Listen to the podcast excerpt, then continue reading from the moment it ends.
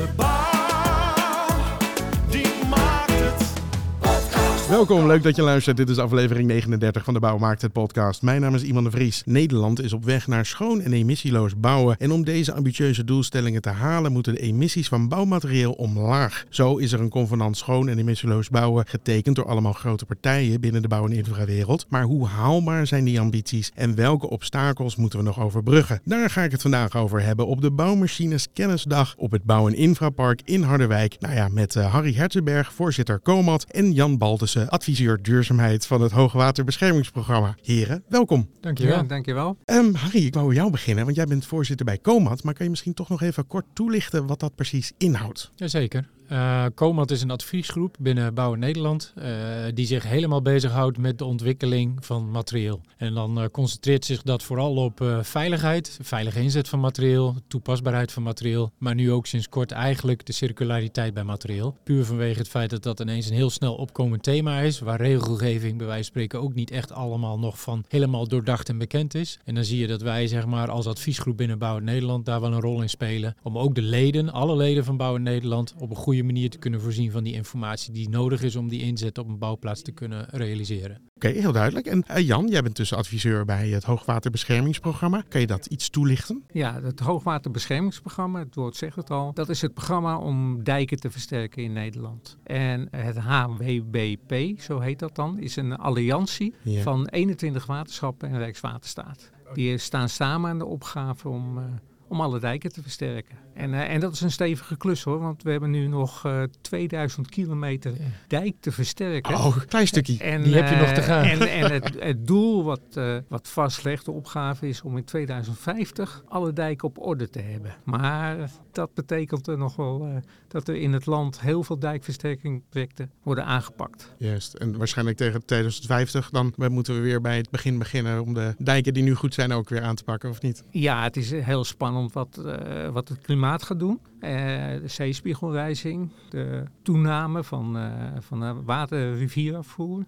Ja. En eh, nou, we zijn dus vandaag, je hoort het misschien ook op de achtergrond, af en toe is er wat muziek, af en toe is er een spreker, maar we zijn dus op de Bouwmachines Kennisdag. En Harry, ik weet dat jij hier net ook vandaag een praatje hebt gehouden. Kan je een beetje vertellen wat vandaag is? Ja, dat klopt. Nou, laat ik bij de, de inleiders beginnen. Jan Homme van BMWT, de branchevereniging voor eigenlijk de machine, eh, machinehandelaren, laat ik het zo zeggen. En Arno Visser hield inleidend praatje. Arno Visser natuurlijk voorzitter van onze belangenvereniging eh, Bouwen Nederland. En ja, de inleiding daarvan was meer in de strekking van oké, we hebben nog een hele lange weg te gaan en eh, naar emissievrij werken. Eh, hoe kunnen we die het beste vormgeven? Wat biedt ons dan toch nog de techniek heden ten dagen? Ja, en ik zelf heb zeg maar een praatje mogen houden met betrekking tot nou ja, hoe wij daar als Van Werf en Infra al tegen aankijken. Omdat wij al best wel de nodige ervaring hebben op emissievrij werken. Hoe wij dat aanpakken, welke technieken we in huis hebben en wat dat ook doet met de onderneming. Want laten we niet eh, onderschatten dat met name zeg maar, het emissievrij werken binnen een, een typologiebedrijf zoals wij dat zijn, hè, met name ook heel veel petrolheads in, eh, in, in zeg maar, onze bedrijven, dat het echt ook wel een enorme verandering en opgave kent voor die organisaties. En in die dilemma's die wij ook zelf hebben, heb ik eigenlijk het publiek een beetje meegenomen. Oké, heel duidelijk. En Jan, als ik het jou mag vragen, emissieloos bouwen, wat zou dat inhouden als je het even simpel moet uitleggen? Nou, bij, dan praat ik over de dijkversterking, je hebt het ook over bou- bouwprojecten. Daar wordt dan eh,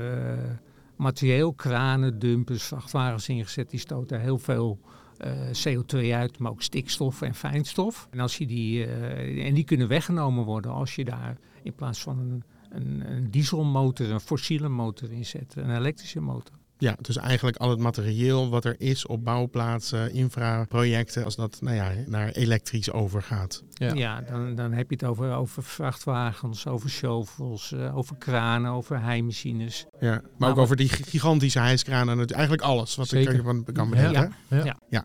Want er is dus een eh, schoon en emissieloos eh, convenant, het eh, SEB als ik het goed zeg, dat is getekend. Wat houdt dat in? Ja, dat is een convenant waarin eigenlijk een drietal transitiepaden zijn zeg maar uitgewerkt. En uh, wat, één aspect wat daarbij komt kijken is dat je per machinegroep in capaciteit uh, aan gaat geven naar de toekomst toe hoe zeg maar, de uitstoot verder in het aanbesteden van dit soort projecten zeg maar, uh, zich kan gaan verhouden. En daar bedoelen we eigenlijk mee per machinegroep, per eigenlijk transitiepad is vastgelegd wat de uitstoot minimaal in welk tijdsbestek zeg maar, mag gaan zijn. En dan hebben we het over een soort van basisgroep, we hebben het over een pelotongroep en we hebben het over een koplopersgroep. En die drie zeg maar uh, inhoudelijk beschrijven dan een minimaal niveau van uitstoot. En je kan je voorstellen dat de koplopersgroep eigenlijk dan het streven heeft om zo min mogelijk uit te stoten. Het is nou bijna onmogelijk om in 2030 hele zware machines volledig emissieloos bijvoorbeeld in te zetten. Maar in uh, zeg maar uh, de koplopersgroep staat dan bijvoorbeeld wel al de keiharde eis dat binnen een klein vermogen, machinevermogen, eigenlijk alles emissieloos moet zijn. En daar heeft de overheid ook zijn medewerking aan verleend, onder andere ook de waterschappen, om eigenlijk uh, hun dan de leidraad te geven om ook projecten aan te gaan aanbesteden die met een beschrijving richting die transitiepaden, zodat eigenlijk de inzet van emissieloos materieel min of meer in het aanbestedingslandschap zeg maar uh, ja, enigszins goed doorgevoerd kan worden. He, dus niet iedereen is direct gegeven, zoals het waterschap dat overigens wel heel mooi doet, uh, zeg maar heel veel nadruk te leggen op, op emissieloos werken. Je kan je voorstellen dat niet iedere gemeente de portemonnee ook überhaupt kan trekken om veel emissieloos nu al aan te besteden. Want het wordt er niet goedkoper op. Laten we dat ook even ja. voorop stellen. Maar een basisniveau om iets te willen bereiken zorgt er wel voor dat je dan forse stappen nog steeds zet richting zeg maar, het reduceren van alle emissies die bij een machine inzet wel komen kijken. Ja, ja en, en wat je nu wel ziet, hè, dat het kleinere materieel, ja. we zagen het net ook bij, ja. bij project Wijnkade. Absoluut. He, heeft de gemeente Arnhem gewoon als eis gesteld al het lichte materieel. Ja. Dat is gewoon emissieloos. Daar hebben we het gewoon helemaal niet meer over. Klopt. En dat kan ook, hè, die, die, want het zware materieel is, is, is duurder. Maar dat zal in de, op termijn ook wel goedkoper worden. Maar dat lichte materieel, dat is al niet, niet heel veel duurder. En dat valt dan denk ik ook onder die routekaart die dan ja, is gemaakt. Exact. Hè? Ja. Ja, En ja. die routekaart, ik heb, hem, ik heb hem bekeken, daar staat inderdaad het lichte materieel. Die moet dan binnen vijf jaar, is het Ja. geloof ik, of Ja. zoiets? Ja, eigenlijk 2025 al. Hè. Dus ook Ja, een we zijn beetje nog wat nog- verder, ja precies. Ja, ja, dus, dat- dus- dus als je nu investeert als, eh, als aannemer, ja, dan moet je eigenlijk gewoon dat, dat elektrisch materieel gaan kopen. Als het klein is. Als het, ja, ja, even goed, Hè, goed want, om eh, dat even te uiteindelijk, eh, ik hoorde je net zeggen dat het eh, ook, ook zware materieel eh, elektrisch wordt wel goedkoper. Die, daarvan vrees ik dat die vliegen niet helemaal op zou gaan. Omdat ik ook wel merk nu bij de inkoop van materieel, zeg maar, met name de batterijen, een dusdanig zwaar stempel op de kostprijs van die machines drukken, dat dat echt heel veel impact nog gaat hebben. En, en Ja. bij een kleine machine is het relatief ook eenvoudig, omdat je dan vaak over laagspanning praat om de machine zeg maar, van stroom te voorzien. Terwijl de grotere machines vragen, eh, vragen eigenlijk weer een hoogspanningsvermogen. Dan werk je vaak soms met 700 volt in de machine aan spanning. Dat zijn allemaal wel ontwikkelingen die ook in de- nu nog eigenlijk in de kinderschoenen staan. Die om het volwassen te krijgen door de fabrikanten nog wel heel veel onderzoek en research moet plaatsvinden. Om dat af fabriek eigenlijk op een goede manier te leveren. En dat, dat gaat nog wel voor heel veel ja, kostprijsverhogende zeg maar, effecten zorgen denk ik in de Ja. markt. Dat denk ik wel. Ja, ja, want we, we zitten in een transitie. Precies. En eh, als we over 10, 20 jaar terugkijken, dan, dan zien we van ja, wat, hoe we nu aan het zoeken zijn Ja. naar, eh, Ja. nog aan het knutselen zijn om dat voor elkaar te krijgen. Ja. En, en ik vind het belangrijk, maar dat, daarom vind ik dat die routekaart SEP heel erg belangrijk. Dat we dus in, in Nederland met eh, alle opdrachtgevers, maar ook de bouwondernemingen, zeggen nou dit gaan we doen zodat er een, een lijn komt, een houvast komt. Ja. En dat ook bouwondernemingen eh, zekerheid hebben om, Ja. om te investeren. Het is ook wel fijn dat je weet van oké, het kleine materieel, dat, dat, ga ik, dat heeft nu mijn eerste prioriteit. Het grotere spul, dat komt op een later moment. Ik weet een paar podcasts geleden hebben we het er even kort over gehad. Bijvoorbeeld zo'n gigantische hijskraan, dat er maar geloof ik eentje was van in Nederland of zoiets. En dat diegene, die ondernemer zei ook van ja, de kans dat we dit jaar nog een tweede hebben, dat is gewoon vrij al nihil. Ja. Want die dingen worden bijna niet gemaakt, omdat de vraag er nog niet naar is. Ja. Is dat ook het verschil waarom het prijsniveau dan misschien nu nog hoger is? Omdat het nog niet nou ja, standaard is om dit soort materiaal te maken? Wel, absoluut. Hè. Laat wel wezen, op het moment dat het af fabriek gaat komen, dan heb je een bepaald schaalvoordeel. Ook in je productiewijzes, eh, je ontwikkelingskosten, eh, noem maar op. Hè. Een fabrikant ten opzichte van wat wij nu aan het doen zijn in Nederland, kan ook veel meer terugvallen op grotere aantallen. Alleen een fabrikant heeft ook, eh, zeg maar, toch wel een nadeel. En dat is vooral zijn ontwikkelingskosten. Hè, die moet echt van A tot en met Z eh, zeg maar nadenken van zet ik een goed product in de markt. Die gaat dat heel veel testen overheen en noem maar op. En wat we hier in Nederland op dit moment denk ik ook echt wel goed doen, is dat dat gegeven nog steeds ook wel geldt hè, voor de machineontwikkelingen. Maar dat we vanuit zeg maar onze meer ja, pioniersrol zeg maar al best wel voortvarend stappen zetten om die elektrificatie met machines, want het is toch vooral elektrische machines zeg maar die ingezet worden, dat we daarin toch wel echt hele serieuze producten nu neerzetten. Wij, wij als Van Werven bijvoorbeeld hebben denk ik nu een jaar geleden mensen van Komatsu over de vloer gehad en die keken hun ogen open wat wij als Van Werven op dit moment al aan het neerzetten waren op het gebied van emissieloos werken. Puur vanuit de rol die we dan ook zien als uh, totale dienstverlener op grondverzet. Want, want dat is in, in die zin wel een bepaalde focus die je ook moet hebben denk ik in je bedrijf. Dat is op het moment dat je zegt van ja, ik ga een emissieloze machine kopen, dan ben je er daar nog niet mee. En dat is ook wel zeg maar die ik uh, echt als oproep ook nog weer in deze podcast uh, doe. Dat is dat met name zeg maar de operationele kosten voor de inzet van een elektrische machine, die, die, die gaan ook nog een keertje over de kop. Hè? Want je, Ja. moet, je moet continu met batterijen rijden. Batterijen mogen niet eens zeg maar uh, op een normale vrachtwagen, maar moeten onder ADR-regelgeving bijvoorbeeld. Hè? Dat is weer speciale regelgeving om gevaarlijke stoffen te mogen rijden. betekent dat onze chauffeurs weer in opleiding moeten. Maar met een batterijsysteem rijden praat je zo over uh, 100.000 euro wat je aan accu's uh, zeg maar dan in zo'n kast hebt zitten. Terwijl eigenlijk een gasolietankie, nou ja, dat is vrij simpel. Dat is een tank, dubbelwandig, er zit een pompje op en uh, die kost je hooguit 5000 euro. Hè? Dus met andere woorden, je praat ook in de operatie echt over grote verschillen qua kosten. En ja, kom... zeker. Maar, maar we willen die transitie maken. Ja. Hè? Dus uh, het ministerie, de minister heeft duidelijk uitgesproken voor de, voor de infra wil ik dat we in 2030 klimaatneutraal en circulair zijn. Ja. Ja. ja. Dus die transitie is inge, ingegaan.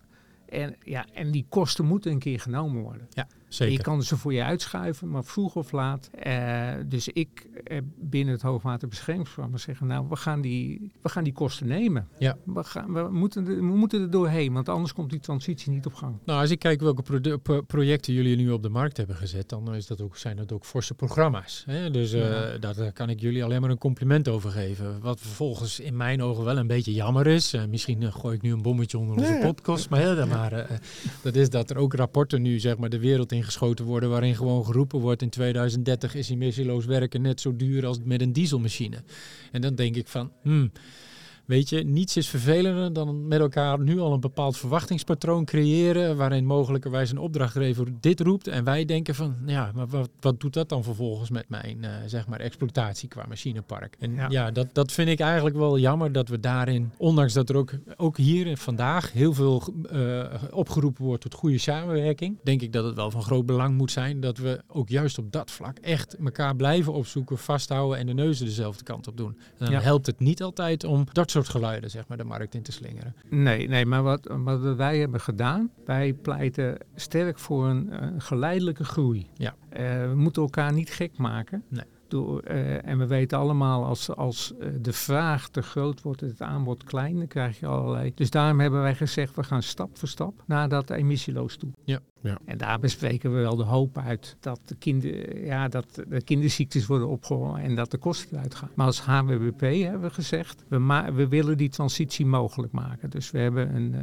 wat noemen wij een toetsingskader emissieloos bouwen. Met, uh, gebaseerd op de, op de routekaart. Maar hebben wij het, uh, het koploperspad gekozen. Hm. Gezegd dat maken we subsidiabel. Ja. Dus dat leidt ertoe dat projecten zoals, zoals Rijnkade of, of de Stenendijk Hasselt, dat zijn dijkversterkingsprojecten, die zijn volledig emissieloos gedaan. Maar ja, dat zijn, dat zijn nog relatief kleine. Ja. Maar een project als Tiel-Waardenburg, een dijkversterkingsproject van 19 kilometer, die hebben ook de ambitie om dat emissieloos te gaan doen. Maar door, uh, doordat wij dus uh, zeggen als HWBP, wij subsidiëren al die meerkosten, hè, want het, Ja. het kost op dit moment Ja. meer. En dan moet, die weg moet ook uitgevonden worden. Hoe kan je dat goedkoper en efficiënter maken? Maar doordat wij nu zeggen van wij subsidie- subsidiëren dat, hebben de, de bouwonderneming, de aannemer, hebben, hebben zekerheid. En- die en- weten waar ze aan toe zijn. En wat betekent precies dat subsidiëren van die meerkosten? Betekent dat als ze bouwmateriaal moeten aanschaffen, dat daarin tegemoet wordt gekomen? Nee, nee, nee. Wij, wij maken wat wij noemen een inzetsubsidie. Dus wij maken het sommetje. Wat kost een uh, vergelijkbaar werk fossiel en wat kost het elektrisch? En dat vertaalt zich in een uurprijs. En dat verschil in uurprijs, dat betalen wij. Oké. Op- vanuit de, de gedachte dat een, een, een, een ondernemer die is gebaat bij zekerheid. Dat hij dus een materieel kan inzetten. Ja, ondernemersperspectief, hè? En, Ja. en, en goedkoper een kraan kopen die vervolgens niet, niet ingezet kan worden. Gaat niet gebeuren. Dat gaat niet gebeuren. Nee. Nee, want Dus- ik kan me voorstellen dat het ook lastig is dat nou ja, ondernemers niet een, een, een zak eh, met geld om zich heen hebben liggen en denken van nou, ik ga eens even over, eh, Nee. jongens. En allemaal Nee. materiaal wat ik al heb, dat, eh, Nee. dat laat ik even aan de kant liggen. Nee, ik denk Nee. sterker nog, eh, zo, zo, scha- zo eh, eh, eh, gaan wij ook om met onze klanten, dat we echt ook roepen zonder grijs geen groen. Dus eh, ja, de discussie over fossiele subsidies enzovoort, die kan ik me wel een beetje voorstellen eerlijk gezegd. Daar zul je ook wel wat mee moeten doen. Maar wat je zeker moet hebben is dat een ondernemer nog steeds ook eh, gewoon een portemonnee heeft waar die uit zijn investeringen kan blijven doen. En die portemonnee kan hij alleen maar, zeg maar, krijgen door gewoon ook simpelweg die omzet eh, te genereren. En dan nogmaals, m- mijn buurman doet dat al met verven grotere projecten, langdurige projecten ook. Want ook, ook dat is ondernemersperspectief. Hè? Meer jaren kijken naar wat doet dat met mijn investering. Eh, ja, daarmee kun je vooruit. Maar om het per project zeg maar elke keer weer opnieuw een wiel uit te vinden. En, en, en zeg maar hele korte termijn zeg maar filosofie erop nahouden. Als, ook als opdrachtgever, dat gaat niet. Hè? Dus een gemeente. Ik ben onlangs eens gebeld door iemand eh, eh, zeg maar van een lokale gemeente. Een ambtenaar had gezien op onze website dat we al heel veel deden aan eh, emissieloos materieel. En die begon zich nu pas af te vragen van hoe moet ik dat in vredesnaam in al die kleinere projecten in de aanbesteding zeg maar gaan voorschrijven. Ik zei ja, ja, enerzijds dacht ik bij mezelf wel van heb je onder een steen geleefd al die jaren al, maar goed dat terzijde. De andere kant van de medaille is wel dat de onwetendheid bij de wat kleinere opdrachtgevers nog zo groot is, maar dat ze ondertussen wel een enorm grote rol spelen in de markt rondom de gemeentelijke aanbestedingen. Dat je her en der eens een reconstructie hebt van een kruisinkie of wat dan ook, dan kun je je niet meer permitteren door een ondernemer maar voor te schotelen dat die vier weken lang een elektrische machine gaat aanleveren. Dat gaat gewoon niet. Dus daarin moet je wel een soort meerjarig perspectief in de markt gaan creëren. Want de investeringen die gedaan moeten worden om die transitie zeg maar, vorm te geven, ja, die zijn echt immens groot. Heel groot. En hoe pakken de meeste ondernemers dat aan? Gaat dat gewoon eerst be- echt Ja. beginnen met het kleine materiaal? Beginnen met een kleine materieel, st- eh, stap voor stap. Ja. En eh, ik denk dat het heel belangrijk is dat het besef neerdaalt. En dat is bij de waterschappen zeker. Hè, de- maar ook bij de gemeentes die, eh, die veel kleinere eh, projecten geven. Dat het gewoon duurder gaat worden. Ja.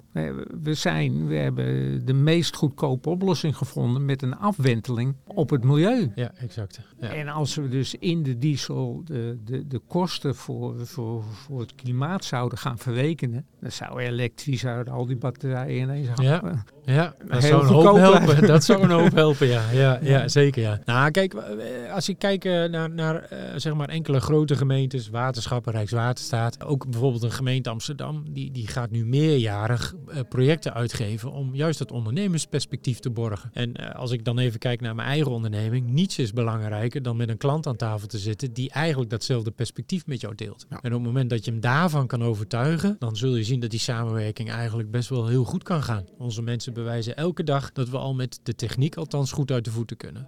Alleen, nogmaals, ja, daar, daar, daar komt echt heel veel geld bij kijken. Ja. Ja, en, en niets is vervelender dan dat een opdrachtgever dan tot de conclusie moet komen... ja, ik heb dit aan budget, dus ik kan er ineens minder krijg ik ervoor terug... omdat ik het wel emissieloos wil doen. En dat is eigenlijk wel de spanning waarin we nu zitten met elkaar in de Nederlandse markt. Ik zie die transitie, die is in volle gang. Ik ben, hier nu, ik ben hier nu ongeveer drie jaar mee bezig. En als ik dan even terugkijk, wat voor gesprekken en wat, wat er drie jaar geleden nog... en hoe ver we nu zijn met ProRail, met, Ja. je, je noemde het net al, eh, ge- gemeente Amsterdam, gemeente Rotterdam, het havenbedrijf, Tennet, eh, Rijkswaterstaat, het HWBP.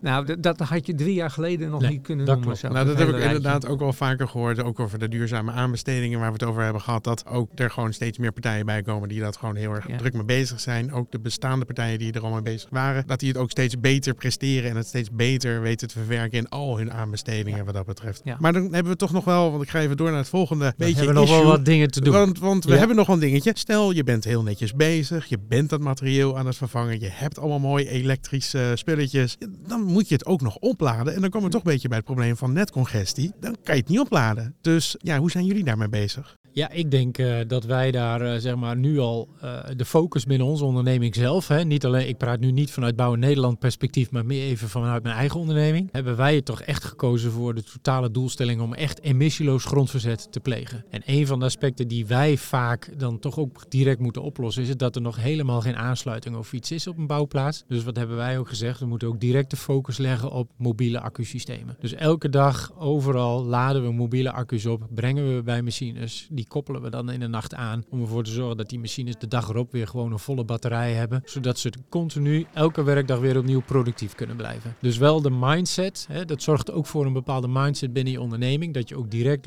roept van ik wil en zal die dienstverlening emissieloos invullen. Wat wel foto's zijn geweest die ook voorbij kwamen was dat een mobiele hijskraan of een mobiele graammachine aan een aggregaat stond of zo om Ik- hem op te laden. Ik wou zeggen, ik heb een keer zo'n voorbeeld gehoord. Ja, ja, inderdaad, ja. Nou, daar, daarvan, ik denk dat dat juist ook niet de zaken zijn die wij als branche op die manier zouden moeten invullen. Hè? Want, want eh, het vervelende daarvan is van het zet gelijk de, de, de doemdenkers weer direct op het verkeerde spoor. Hè? Zo van kijk, we kunnen het nog niet. We kunnen het echt wel. Want uiteindelijk moet alleen wel de ruimte, de tijd en het geld rondom zeg maar, de inzet van die producten op een project gewoon goed ingevuld kunnen worden. Stel dat je terug moet vallen op eh, zeg maar een alternatief, omdat het niet beschikbaar is. Dan moet je het zeker niet met aggregaten invullen, maar moet je het ingevullen gewoon met een goede stage 5 machine op HVO. Dan heb je ook een transitiebrandstof en opzet te pakken die je heel lang, oh, het decor, Het decor komt hier langzaam Ja. af en toe naar beneden. Ja, ja. wordt aangevallen.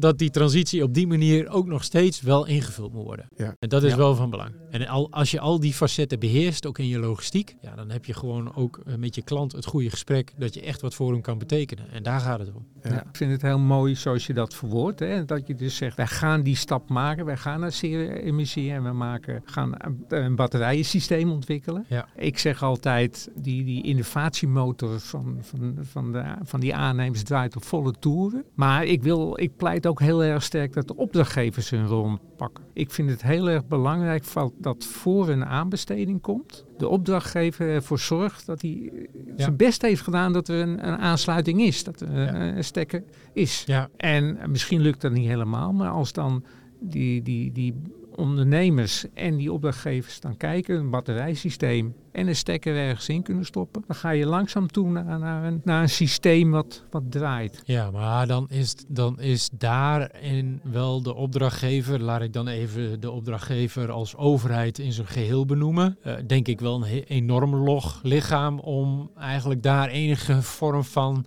haast mee te maken. Hè. We doen nu allemaal alsof we overvallen zijn zeg maar, door de congestieproblematiek. Nou, volgens mij de eerste elektrische auto reed al ergens in begin jaren 2000. Konden we toen met elkaar nog niet aanvoelen dat waar we heen gingen zeg maar, zich zo snel ontwikkelde. Hè. Laten we dat even Nee, vooropstellen. ja, de stikstofproblematiek heeft ook eh, zeg maar een duwtje in de rug gegeven met betrekking tot de behoefte van elektrische eh, spullen. Maar het komt, het komt er wel op neer dat ook een Tennet en ook de Allianders van deze wereld zeg maar wel eigenlijk, ja hoe moet ik dat nou zeggen, enigszins terughoudend zijn om hetzelfde beeld tonen met betrekking tot voortvarendheid dan wij doen nu op dit moment als aannemers. nee, dat is zeker zo. Maar als ik zeg dat die opdrachtgever eh, daaraan kan werken, er zijn nog meer mogelijkheden via de, de, de netbeheerder, dat is één mogelijkheid. Nee, zeker. Maar er zijn Dat ook, eh, zeker, er zijn ook eh, gebruikers, wasserettes, fabrieken. eh, ik denk ook de, ge- de gemalen van waterschappen, die hebben een hele grote vergunning. Ja. Maar die gebruiken die capaciteit helemaal niet. Nee, nee. Nou, en jullie dan- hebben nog een hele mooie tussenvariant, hè? dat heet zogenaamd biogas, hè? met je Ja, waterzuiveringsinstallaties. Laten we die ook niet vergeten, want dat kan ook een, een bijzonder mooie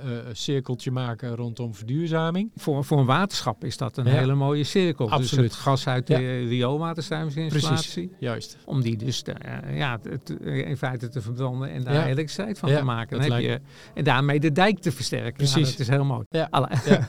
het is alleen dat Ik word heel enthousiast zie ik iemand worden. Ja. Ja, maar die energievraag alleen, dat is heel mooi, maar die energievraag is, Ja, zo, groot. Klopt. Dat, eh, dit is leuk hoor, voor een deel te doen, maar Ja. daar, daar krijg je de dijk nog niet helemaal mee Nee, versterkt. nee, nee. Hè, om Nou. je even mee te nemen in wat kan een stroombehoefte zijn. Op het moment, eh, ik heb het vanochtend ook nog verteld tijdens de presentatie. Maar op het moment dat je één mobiele graammachine wil opladen met zonnecellen, heb je er ongeveer 400 nodig op een zonnige Oh, dag. Zo. Ja. Dus eh, Ja. de stroomvraag is echt heel groot om met machines aan de slag te gaan. Dat is echt, eh, echt eh, dat wordt nog zwaar onderschat. Ja, Ja, ik weet dat we namelijk ook een aflevering hebben gemaakt over netcongestie. En toen was bijvoorbeeld advies dat nou ja, ondernemers misschien wat creatiever moesten omgaan met het opladen. Dus niet allemaal op hetzelfde moment opladen. Maar Zijn dat haalbare oplossingen of is dat, klinkt Is- dat mooier? Nee, Nee, dat is best haalbaar. Ja. Alleen, dan hebben wij weer toch de overheid nodig die wetgeving bijvoorbeeld moet aanpassen. Dat wij in de nacht wel een hele mooie piek op onze zeg maar, stroomvraag kunnen hebben. En in overdag mogelijkerwijs wat minder. Alleen als ik nu aanklop voor een zogenaamd CBC-contract, in mijn regio althans, is niemand thuis. En dan verschuilt iedereen zich eigenlijk van hoog tot laag achter wetgeving. En dan denk ik bij mezelf ook van, ja, weet je, ja, ook daar moet je dan wel zeg maar gaan tonen dat je samen met de markt eigenlijk dit varkentje wil wassen.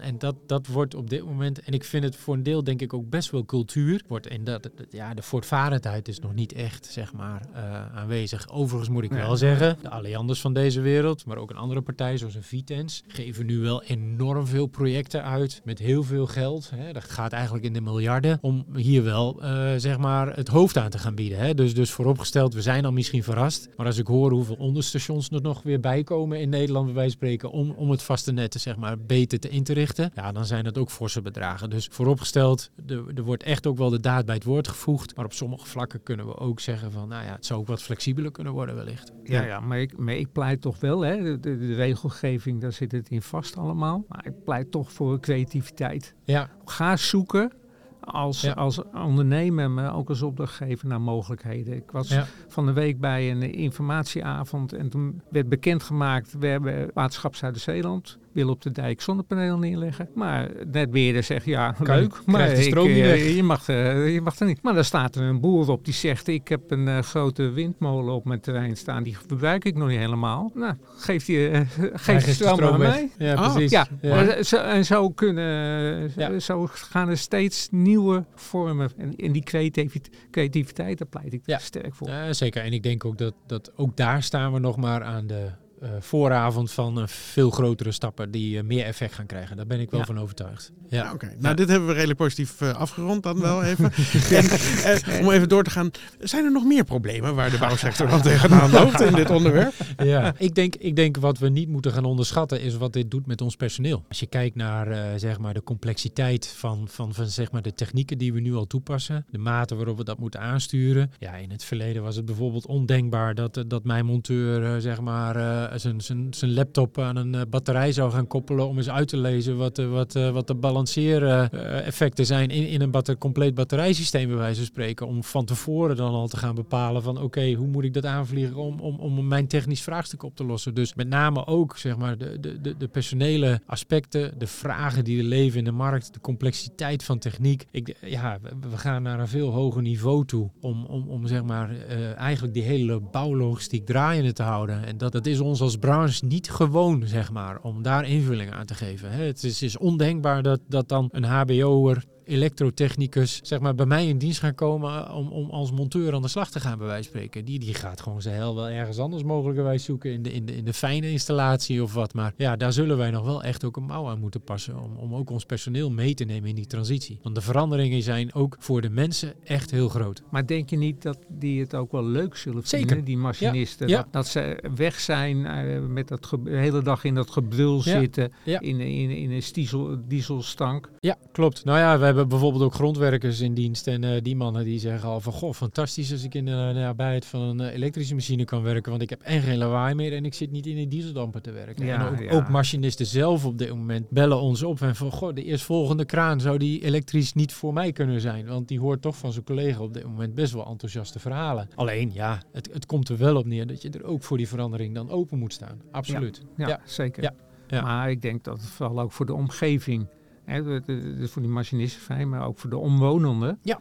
En dan heb ik het weer over dijkversterking. Nou, vroeger, nou, dan, dan, dan een hoop gestamp en geluid voor de deur. Ja.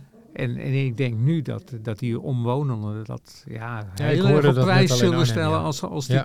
als die vrachtwagens vrij geruisloos voorbij gaan. Ik vind het heel mooi, want als je dan op zo'n bouwplaats loopt inderdaad en er rijdt opeens iets achter je wat je dacht van, oh vroeger maakte dit echt een lawaai en Ja. nu als een soort van Ja. elektrische auto sluipt het zo op je af inderdaad. Dat is wel Ja. heel mooi om te Ja. horen. Ja. Ja. Ja, de andere kant is wel dat, dat we smeken om meer machines. Hè? Dus, dus de, de fabrikanten blinken op dit moment nog niet echt uit in voortvarende productie. Daar daar, daar- eigenlijk zie je wel dat wij daar als Nederlanders op dit moment ver op vooruit lopen. En dat is gelijk het dilemma dan ook, dat met name de grotere merken in, in de wereld, die, die ja, de Nederlandse markt zien zij als een Ja. druppel op een gloeiende plaat. Dus in die ontwikkeling, zeg maar, eh, moeten zij ook een bepaald perspectief krijgen. Nu zie je wel dat alle ogen op ons gericht zijn, hè? want eh, nou, wat ik net al zei, Komatsu is bij ons geweest. eh, zo zijn er nog een paar fabrikanten die zo af en toe komen buurten van wat doen jullie. Maar dat neemt niet weg dat, dat met name ook de tijd die zij nodig hebben om een product uit die fabriek te laten rollen, dat varieert tussen de vijf en tien jaar. Ja, die tijd hebben wij niet. Nee, niet. En, en ja, dat sorry, zorgt, eh, en dat zorgt dus eigenlijk wel best ook voor problemen om ervoor te zorgen dat je eigenlijk stappen kan maken. ja. En heel even, want ik weet dat er ook machines omgebouwd zouden kunnen worden. Doen Ja, wel.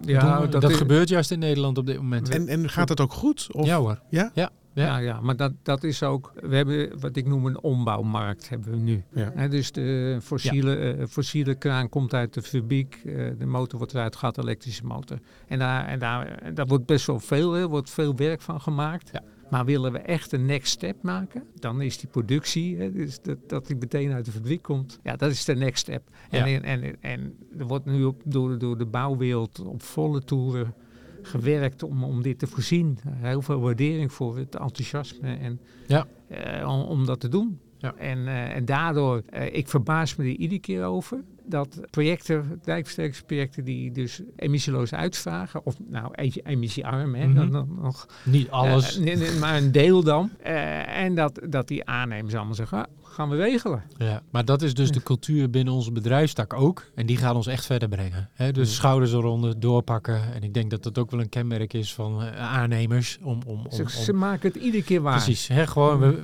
het is niet een kwestie van erin vliegen. Er wordt ook wel, wel overwogen besloten, gen- besluiten genomen. Maar aan de andere kant is het wel zo dat we, we weten goed door te pakken in onze Ja, dat... eh, En het ombouwen, eh, ik denk ook dat de fabrikanten, zeg maar, die gaan ons helpen om ook die volgende stap echt te maken. Wat er gebeurt met ombouwen is, eigenlijk halen we er een dieselmotor uit en zetten we er elektrisch in. Maar de fabrikanten zelf denken ook al veel meer na over de energiehuishouding van zo'n machine. Dus eh, hydrauliekleidingen die normaal gesproken haaks omgelegd werden, die zie je nu in een hele flauwe bocht, zeg maar, in een machine ontworpen worden. Want dan is de weerstand die de oliepomp heeft ook een stuk lager geworden. Terwijl men daar in het verleden nooit over nadacht, zie je nu ineens dat daarover nagedacht wordt.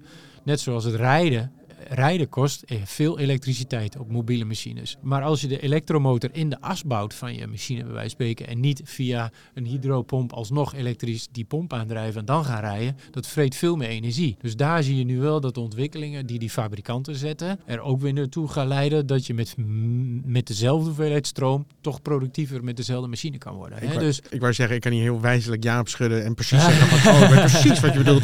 Maar ik neem aan Ja, dat zodra ja, die machines inderdaad meer gericht worden op elektrisch, ja, eh, elektrische eh, aandrijving, Ja. dat de interne eh, mechanismes daar ook beter op Ja. eh, zijn eh, Ja, hè, verwerkt. dus, dus, de, dus de, die afstemming in de machine zelf, zeg maar, die gaat ons echt nog wel helpen dat die fabrikanten daar nu ook kritisch over aan het nadenken zijn.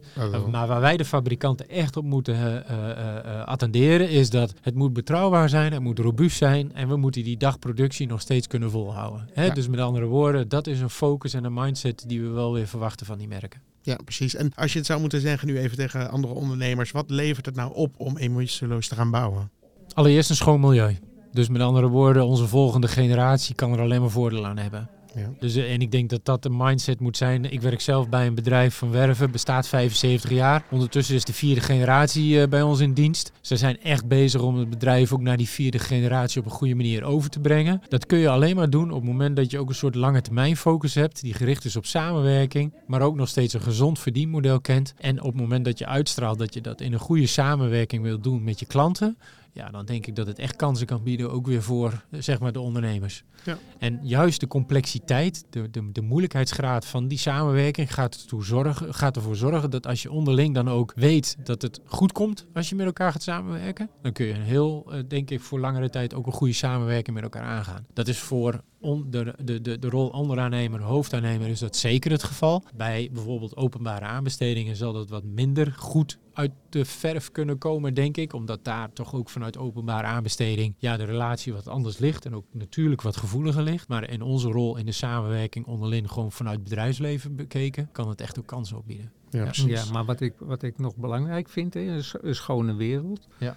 Maar wat ik ook belangrijk vind, is dat de projecten slimmer uitgevoerd moeten gaan worden. Ja.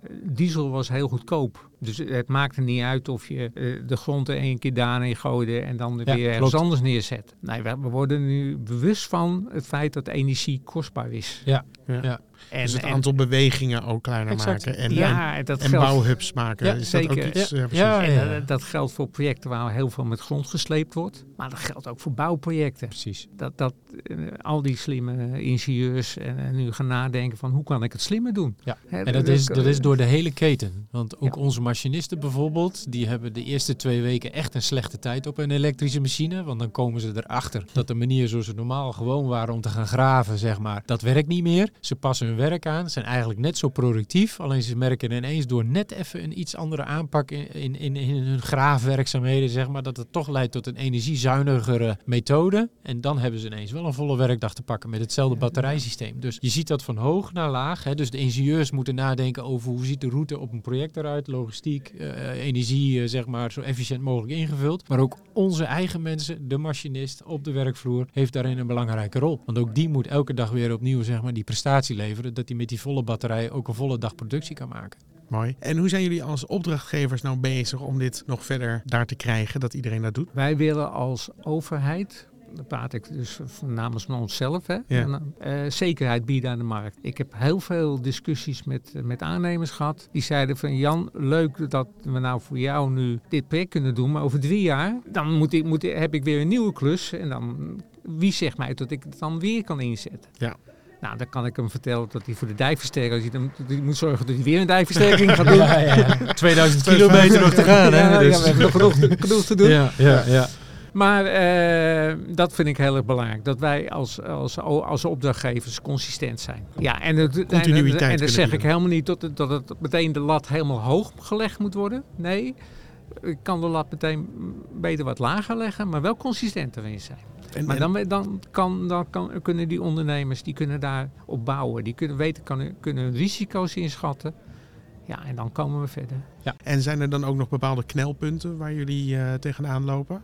Wat ik nu als een knelpunt vind, is als, als het evenwicht tussen vraag en aanbod wordt verstoord. En dat is nu aan de orde met stikstof. Dus om dat project een stikstofvergunning moeten krijgen, moeten ze, zegt de, opdra- zegt de vergunningverlener, jij moet helemaal emissieloos gaan doen. Jij mag niks meer uitstoten. Dus die gaan een heleboel materieel uit de markt trekken. Ja, dan, dan wordt de, de, de geleidelijke ing, de ingroeipad verstoord. Ja, precies. En dan, en dan krijg je dus dat een aannemer wordt gedwongen om volledig emissieloos te doen. Ja, bij, bij een ander project weer niet. Dus ja, dat, dat, dat is, vind ik nu, nu eh, baat mij nu zorgen. Ja, precies. Nou, maar die zorgen delen wij ook wel, denk ik. En ik denk dat daarin juist de overheid eigenlijk een hele belangrijke regierol zou moeten gaan vervullen. Ja, dan is het even de vraag van eh, wat doet de verkiezingsuitslag bij wijze van spreken ook nog weer met zo'n standpunt. Hè? Dus, Ja. dus eh, dat, is, dat is best wel, zeg maar, lastig. Nogmaals, in Nederland, de- het buitenland kijkt wel eens naar ons van wat zijn jullie daar in vredesnaam aan het doen. Maar ik durf ook rustig stellen dat iedereen daarin wel een keertje aan bod gaat komen, bij wijze van spreken. Dus met andere woorden, Ja. dan kunnen we het nu maar beter oppakken. Nou, volgens mij kunnen we het hier nog heel lang over hebben, maar ik vind het altijd fijn om te eindigen met een tip. Dus wat voor een tip zou jij hebben voor ondernemers die aan de slag willen gaan met emissieloos bouwen? Ga in gesprek met je klant erover. Zorg ervoor dat je samen het commitment eraan kan geven. Ook je klant heeft gewoon zijn dilemma's rondom zeg maar, emissieloos werken. Maar jij hebt ze ook. Zorg ervoor dat dat eh, gezamenlijk zeg maar, eh, op, opgepakt wordt. Zodat jij de investeringen kan doen en hij kan zijn projecten blijven maken.